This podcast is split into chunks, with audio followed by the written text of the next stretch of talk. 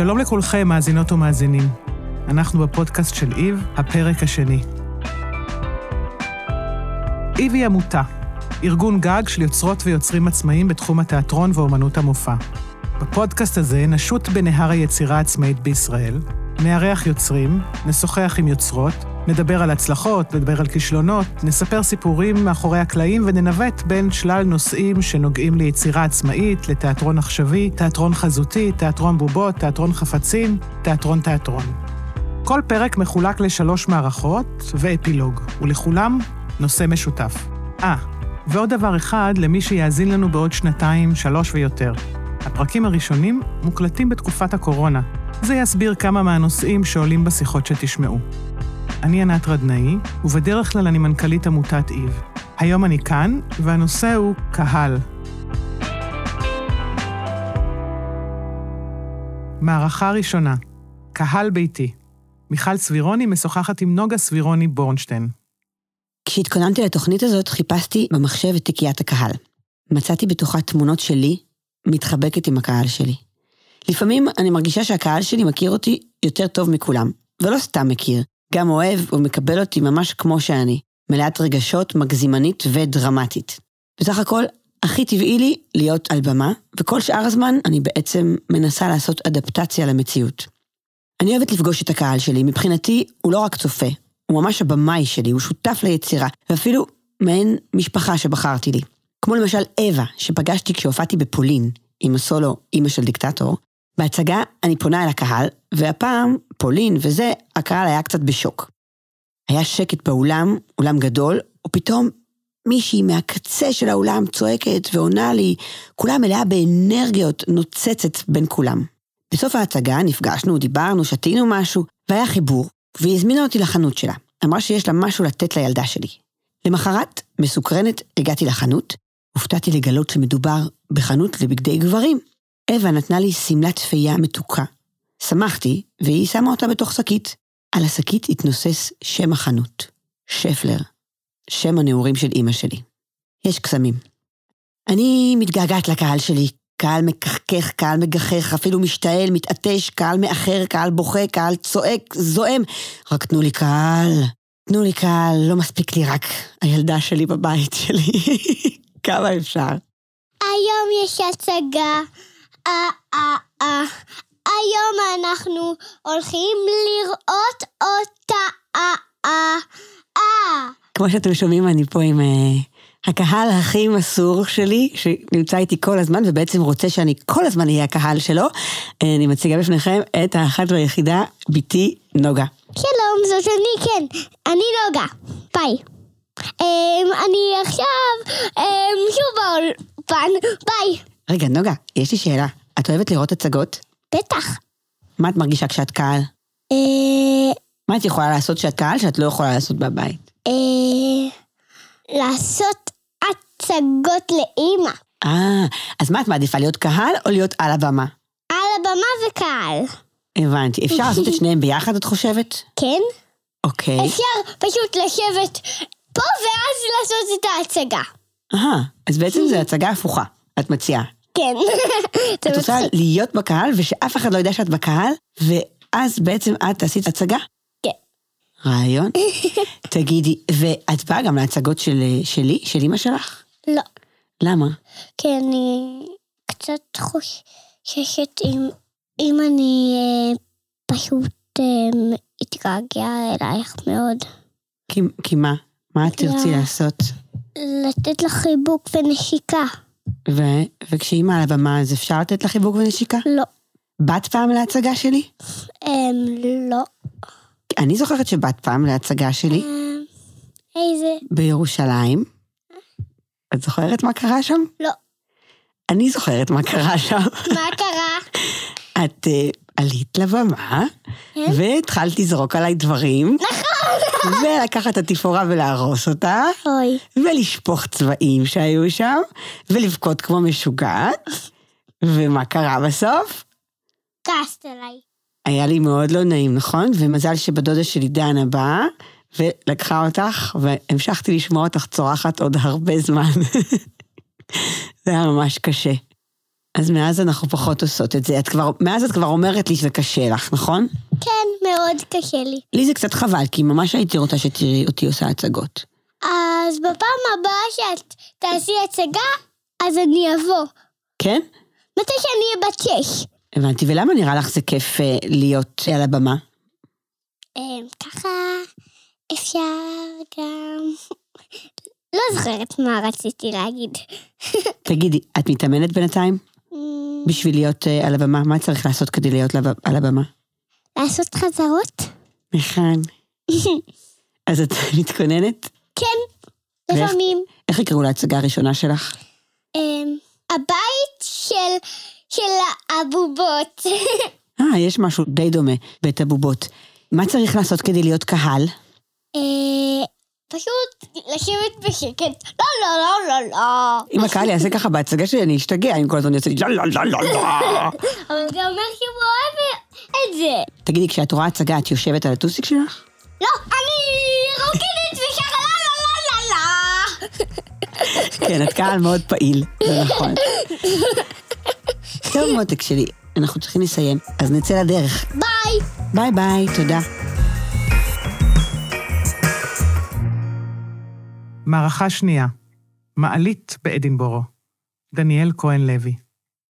פסטיבל אדינבורו, אני בת 20, פעם ראשונה שנסעתי לבד.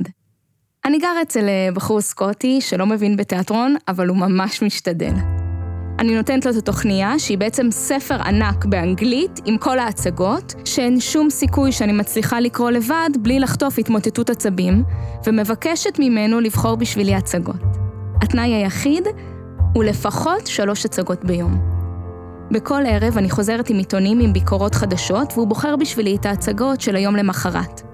הוא עושה כמיטב יכולתו לקלוע לטעמי, לרוב הוא לא מצליח, אבל אני מאושרת. ביום האחרון, בהצגה האחרונה, הוא שולח אותי לראות הצגה במעלית. זאת קבוצה שמופיעה במעליות כבר כמה שנים. בעבר הם ממש הופיעו בתוך מעליות, אבל היום הם משוכללים יותר ויש להם מעלית שהם בנו והיא מוצבת בפארק על רמפה. הסקוטי מלווה אותי למעלית ומאחל לי בהצלחה. אני נכנסת פנימה, מימין ומשמאל שני שחקנים, ממולי עוד שני אנשים בקהל, וזהו. אנחנו חמישה. ארבעה גברים ואני. קצת מעט, מאוד אינטימי, אבל האמת די מרגש, אף פעם לא ראיתי הצגה במעלית. תמיד טוב שיש בקהל לפחות אדם אחד יותר מאשר על הבמה, אז ככה שאנחנו בסדר. המעלית נסגרת, האור יורד וההצגה מתחילה. פתאום אני מבינה שאני רואה הצגה על הסכסוך הישראלי-פלסטיני. מימין, חייל ישראלי, משמאל עיקר פלסטיני ואני באמצע. הפעם הסקוטי באמת השקיע. אולי זה היה המרחק מהבית, אולי כי כבר ראיתי הרבה יותר מדי הצגות במעט מדי ימים, אולי זה היה הקיץ' במבטא הבריטי הכבד, אבל בי שתכננתי התחילו לרדת לי דמעות. בהתחלה עוד ניסיתי להסתיר, אבל הכל היה כל כך קרוב שזה כמעט היה בלתי אפשרי. די מהר כולם שמעו אותי מושכת את האף ומנגבת דמעות בשרוול. וככל שההצגה מתקדמת, אני ממררת בבכי יותר ויותר. שני האנשים הנוספים בקהל שעומדים ממש מולי, נוהגים בנימוס המחייב וממשיכים להסתכל על השחקנים ולתת לי קצת פרטיות. כולם משתדלים לעשות הכל כרגיל ונותנים לי לבכות כל כך יפה. כשמסתיימת ההצגה אנחנו מוחאים כפיים, וברגע שהדלתות נפתחות, מיד כולם נחלצים לעזרתי. הם מאוד התרגשו שהתרגשתי. ואז מתגלה האימה. שני האנשים הנוספים בקהל מתוודים בפניי שהם בעצם המחזאי ומנהל ההצגה. ולא רק שבכיתי בקולי קולות מול המחזאי, עכשיו אני גם מבינה שהייתי בעצם הקהל היחיד בהצגה וכולם עשו את ההצגה הזאת בשבילי. לא רק השחקנים שיחקו, גם שאר הקהל העמיד פנים שהוא קהל כדי שאני לא ארגיש לבד. אני לא יודעת מה לחשוב, כי אני לא מצליחה להחליט אם זה איום ונורא או נפלא. אחרי שהביאו לי טישו ווידאו שאני בסדר, אני זוכה בכרטיס במתנה להצגה הבאה במעלית. הפעם אנחנו 20 איש בקהל, ועוד חמישה שחקנים, וכולם דחוסים לגמרי, שאי אפשר לנשום, ואנחנו רואים את מופע האימים של רוקי, כולל נאמברים. מערכה שלישית, הגאולה. שרון גבריאלוב משוחחת עם עלית קרייז. שלום, אני שרון גבריאלוב ואני יוצרת עצמאית. בנובמבר האחרון, 2020, למקרה שאתם שומעים את הפודקאסט הזה עוד נניח חמש או חמישים שנה, זכיתי לחוות את עבודתה של עלית קרייז, Less Alone City. כן, לחוות זו המילה, מכיוון שמדובר במופע תלוי מקום, ובמקרה הזה, במקום מאוד ספציפי שסביבו נוצרה העבודה, מתחם גינדי, שהוא השוק הסיטונאי לשעבר בתל אביב. בתוך כל שנת הקורונה המזעזעת הזאת, יש מצב שזה המופע התרבותי היחיד שזכיתי להיות בו. כך שמראש באתי בלב פתוח ואפילו כואב. באתי בגעגוע לעולם שהוא מושהה. באתי עם הצמא והחור שבלב כיוצרת, אבל גם באתי כי כל כך רציתי להיות קהל של משהו, של מישהו. רציתי לקבל מנה של אוכל לנשמה, כמו שאומרים, וגם אם לא אוהב את המנה, לפחות אתנסה במשהו חדש, מה אכפת לי? לא ידעתי כלום על העבודה, פשוט באתי. במקרה של העבודה המדוברת הזאת, הקהל היה רק אני, וזו תחושה נדירה ומיוחדת. לא הייתי לבד לרגע, הסיפור נסוב סביבי, אבל מצד שני, גם אני הוכנסתי לעולמן של הדמויות במופע, והשחקניות, ארבע במספר, לקחו אותי לנקודות שונות, וכל מה שביקשו, מבלי באמת לבקש, הוא שאתמסר אליהן. שאתמסר לראיון למשך 45 דקות. ואלה היחסים בעצם בין קהל לפרפורמרים, לא? בואו, תהיו איתנו, איפה שזה לא יהיה, באולם, ברחוב, במעלית, ותתמסרו. אנחנו ניקח את זה מכאן. כאמור, אם יוצאים, מגיעים למקומות נפלאים. רציתי לשוחח עם עלית קרייז, היוצרת של העבודה הזאת, ומומחית ליצירות שמגדירות מחדש את המושג קהל ואת היחסים בין הצופים לפרפורמרים. היי. עלית. כן, מה היי, שלומך? זאת שרון, מה שלומך? בסדר, מה שלומך? בסדר? נראה לי שבסדר גמור. עלית היקרה, אני מתחילה באמת לשאול אותך שאלה מהעבודה של Less Alone City, בעיקר בגלל שהיא יצאה בשנה בה הכל בוטל, כולל הקהל. את יכולה לספר לי איך התנהלת מול כל זה? ברגע שהבנתי שיש אי-ודאות בנוגע לכל דבר, הבנתי שאני... קודם כל, הדבר הכי ברור שנהיה זה שאני רוצה להיפגש. כן. קודם כל, זה נהיה לי ברור. הדבר השני שנהיה לי ברור, שאני לא רוצה שאנשים יהיו עם עצמם בתוך uh, עבודת סאונד בלבד, כי אני רוצה להוציא אותם החוצה, אני רוצה לאפשר לאנשים uh, לצאת החוצה מהעולם הפנימי שלהם, ולהפגיש אותם עם אנשים, ואז העבודה הפכה להיות מעבודת סאונד בלבד לעבודה שיש בה סאונד, אבל אחר כך הקהל ממשיך לשיטוט שדרכו נפגש לא רק איתי, אבל עם עוד שלוש נשים בגילאים שונים. והוא נפגש בעצם עם עצמו בכל מיני אה, עצורים שונים של החיים, או שהוא חווה אותם כבר, או שהוא עוד יחווה אותם. מדהים. אז אני ככה התחלתי מהסוף, אז אני חוזרת שנייה להתחלה שלך. למה לעשות את זה? למה שיתוף של קהל? מה החוויה שלך? מה מעניין אותך שם? Uh, החוויה שלי של שיתוף קהל התחילה למעשה לפני הרבה שנים, כשקודם כל התחלתי לשתף אנשים בעבודות שלי, אנשים שאין להם דווקא רקע של אומנות או תיאטרון או uh, עמידה על במה. Uh, זה היה דווקא בחוץ לארץ, כשהייתי בשותפות אומנותית עם האומנית אנטון מירטו, ודי מהר, בעבודה המשותפת שלנו שנמשכה 15 שנה, הבנו שאנחנו מאוד מתעניינות בפסיכולוגיה שלנו, של אחת של השנייה, אבל אנחנו מתעניינות באנשים באופן כללי, זה לא רק אצלנו, אלא אנשים. ואז התחלנו לצרף אנשים לעבודות שלנו, אה, כדי שהקהל שמגיע לראות את העבודות יתחיל להסתכל על אנשים, יפתח את עיניו ואת ליבו לאנשים שבדרך כלל לא, אולי הוא לא שם לב אליהם, או יכול להיות שהוא עסוק בעצמו והוא לא מתייחס אליהם, וגם למצוא את היצירתיות שיש בכל אדם ואדם, ודבר שכל אדם יכול ללמד אותי. במפגשים האלה, בעבודות האלה, שיש, אה, והיו כמה וכמה עבודות, אני מדברת על אה, לשתף אישה בת 90 בעבודה, ואחר כך לשתף 40 אנשים בעבודה, ואחר כך לשתף מישהו עיוור בעבודה, ולשתף המון המון המון אנשים שפגשתי תוך כדי, ומכל אחד מהם למדתי המון. וכל אחד מהם למד מהשני משהו, גם המון. ופתאום נוצרה, תמיד נוצרה איזושהי קהילה בין אנשים שב, שבעצם עבודת האומנות אפשרה להם להיפגש. כן, כלומר בעצם שבירת הקיר הרביעי שלך, את פותחת את זה גם בשביל עצמך ולא רק לקהל. אז לגמרי, זה סימביוזה אחרת לגמרי. לגמרי, לגמרי, ואני אני רוצה ללמוד גם כן. אני אף פעם לא באה גם ביצירה או בעבודה עצמה ממקום של אני יודעת. אני לומדת תוך כדי המפגש עם הבן אדם שמולי, אני יודעת מה המהלך, אני יודעת למה התכוונתי, אבל אני לא, גם משאירה המון מקומות שאני לא יודעת בהם, שאני רוצה להישאר אה, מופתעת. עכשיו, והמעבר הזה של אה, לשתף אנשים בתוך עבודה, כשחזרתי לארץ וכבר לא הייתי בשותפות אומנותית והייתי לבד, בעצם הפכתי את הקהל להיות השותף שלי. ואז אה, כן. התחלתי לייצר עבודות שהקהל, הנוכחות של הקהל, התגובות שלו, המשפטים שהוא אומר, הם בעצם מייצרים את העבודה ביחד איתי. תגידי, אה, עלית, עולם הפרפורמנס בכלל ומופעים תלויי מקום, מה שנקרא site specific, קיימים כבר עשרות שנים בעולם. אבל תמיד נראה לי, יכול להיות שאני שוגה, שאיכשהו הם תמיד מתחת לרדאר. זה כאילו שמור יותר כזה ליודעי חן. זה נכון. אוקיי. תראי, עבודות site specific מן הסתם הן לא עבודות שיכולות להיות למשך זמן רב. הן תלויות מזג האוויר. כן. הן תלויות לוקיישן שאולי בזמן אחר הוא אה, ממולא בדברים אחרים, בפעילות אחרת, אז, אז לכן לרוב הם דברים הן עבודות שתהיינה בפסטיבלים. הן לא עבודות שירוצו כמו בתיאטרון, שעבודה יכולה לרוץ אה, כמה חודשים. כן. אז הן תהיינה תמיד אה, אה, בפסטיבלים. גם הקהל, לא רק היוצר שיוצא מתוך אזור הנוחות של עצמו והולך ומשוטט ושוהה במקום, בחום, בקור, ברעש, לא בטוח מה יאפשרו לי, יתפסו אותי, יגידו לי שאסור לי, כל מיני דברים כאלה.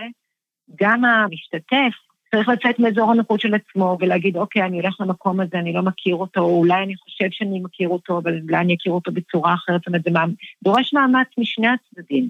כן, אני מסכימה איתך, אבל אני גם קצת מייחלת ומאחלת לימים שבהם אה, מופעים כאלה יהיו חלק מרפרטואר אפילו של, אה, ואני נזהרת במילה מיינסטרים, של תיאטראות יותר ממוסדים, אה, שהם יכולים להיות חלק מהתוכניה השנתית שלהם, ולא רק תלויי אה, פסטיבלים. נכון, אמ, לדוגמה פסטיבל ישראל, כן. שרוב השנים היה תמיד בתוך הבניין המנושטר של תיאטרון ירושלים, עכשיו מוציא את עצמו לקהילות, לרחובות. האמת שזו דוגמה מצוינת באמת. כן, כיוון שאני חושבת שמעבר להכל, אמנות תמיד היא תלוית קהל. נכון. ואנחנו רוצים להגיע לכמה שיותר קהל. ולא רק זה, העבודות site specific הן לא רק מאפשרות לך אה, להסתכל על הכל מחדש, הן מאפשרות לך להתייחס למציאות שלנו כאן ועכשיו. הן אה, להיסטוריה של המקום, לעכשוויות של המקום, מה היינו רוצים לשנות במקום. מראש יש בעבודות האלה משהו שרוצה להגיד משהו על, גם על המקום, אבל המקום זה תמיד חברה.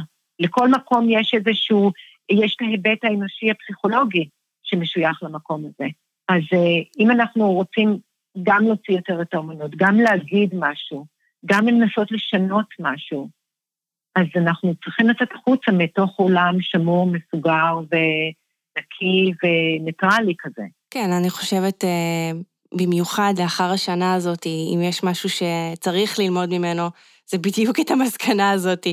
אז תגידי, ככה, נשארה לנו עוד איזה דקה, אני, אני רק רוצה לבקש ממך, אולי יש לך איזשהו סיפור על חוויה בלתי נשכחת שחווית עם הקהל. כן. אה, אחת העבודות שלי שהועלתה בפסטיבל מקודשת לפני שנתיים וגם לפני שלוש שנים, זה היה על גג בית חולים ביקור חולים בירושלים, על קו התפר בין שכונה חרדית לשכונה חילונית. רוב, אה, עיקר בית החולים זה כרגע מטופלת בבית החולים מחלקת יולדות, שבעיקר נשים אורתודוקסיות. אז כמובן שהייתי הרבה בתוך המחלקה ובגג בית החולים, אז כמובן מבחינתי היה צעד מאוד מאוד חזק לבוא, אני התחלתי ללמוד ולהבין על כל הקהילה החרדית, דברים שלא ידעתי להם רק משום שאני לא נפגשת איתם. אבל אחד הדברים שהיה מעניין זה שבאחד הערבים, אה, אחד הבעלים של אנשים שילדו שם, הגיע לבקר אותה בבית החולים, וראה שיש איזושהי התנהלות, איזושהי התרחשות של אוזניות, לעלות לגג. אה, רק אני רוצה לומר שהעבודה נקראה, אני רוצה לבקש סליחה, וכשעלית אל הגג עם האוזניות, כל משפט התחיל בבקשת סליחה. בעצם ביקשתי שם סליחה על הכל שקשור לירושלים, לעיר, לבית החולים, לחיים ולמוות.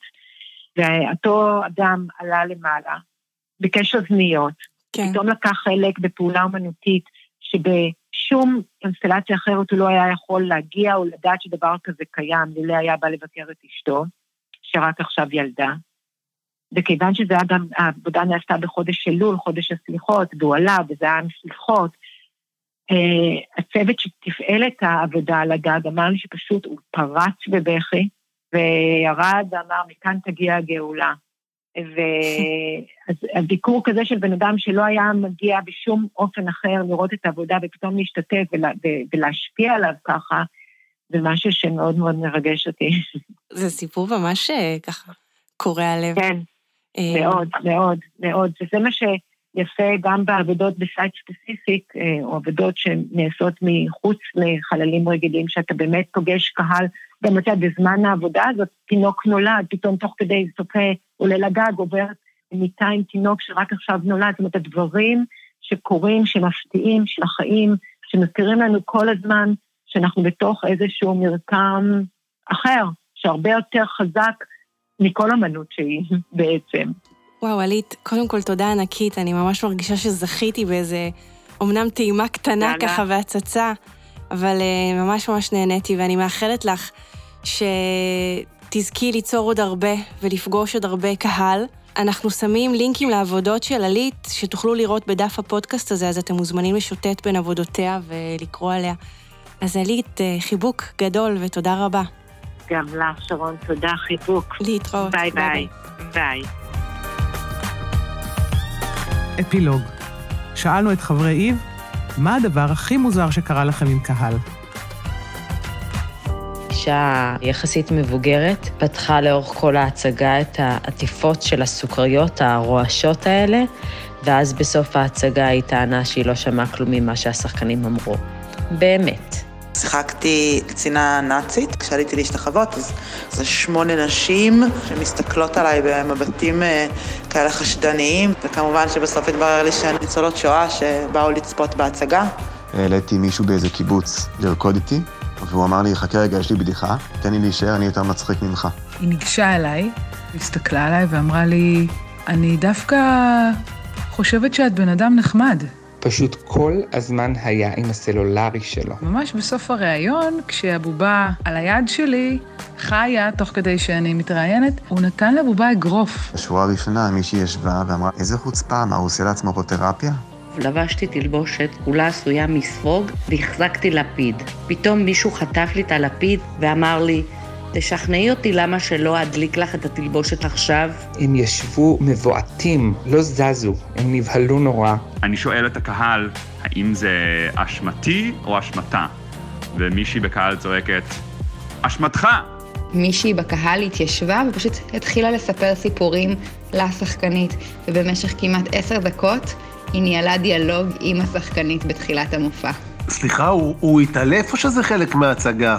הן לא הפסיקו לענות לשחקנית. כל מה שהשחקנית אמרה, הן פשוט היו חייבות להגיב. הייתה תינוקת שבכתה כל ההצגה, ואימא שלה יצאה ונכנסה והעניקה אותה, ותוך כדי ההצגה נשמע מציצות כאלה של הנקה. מישהו שעלה לרקוד איתי, כל כך התלהב שהוא תפס אותי במותניים, והתחיל לנער אותי, והזמנו את המאבטח. הופענו עם ההצגה הקמצן לאן, כשבמקביל הופיע גם הקמצן עם יעקב כהן. בסוף ההצגה ניגשה אלינו גברת שאמרה שהיא מאוד נהנתה ומאוד צחקה ותודה רבה, רק אם אפשר לשאול שאלה, איפה יעקב כהן? תודה רבה שהייתם איתנו בפודקאסט של איב, ארגון יוצרים עצמאיים בתיאטרון ובאמנות המופע. בתיאור הפרק תוכלו למצוא כישורים, ובהם מידע על כל מי שלקח חלק בפרק. חוץ מזה, ספרו לחברים, תעשו לנו לייק בפייסבוק. בקיצור, תפרגנו. וחזרו להקשיב לפרקים נוספים.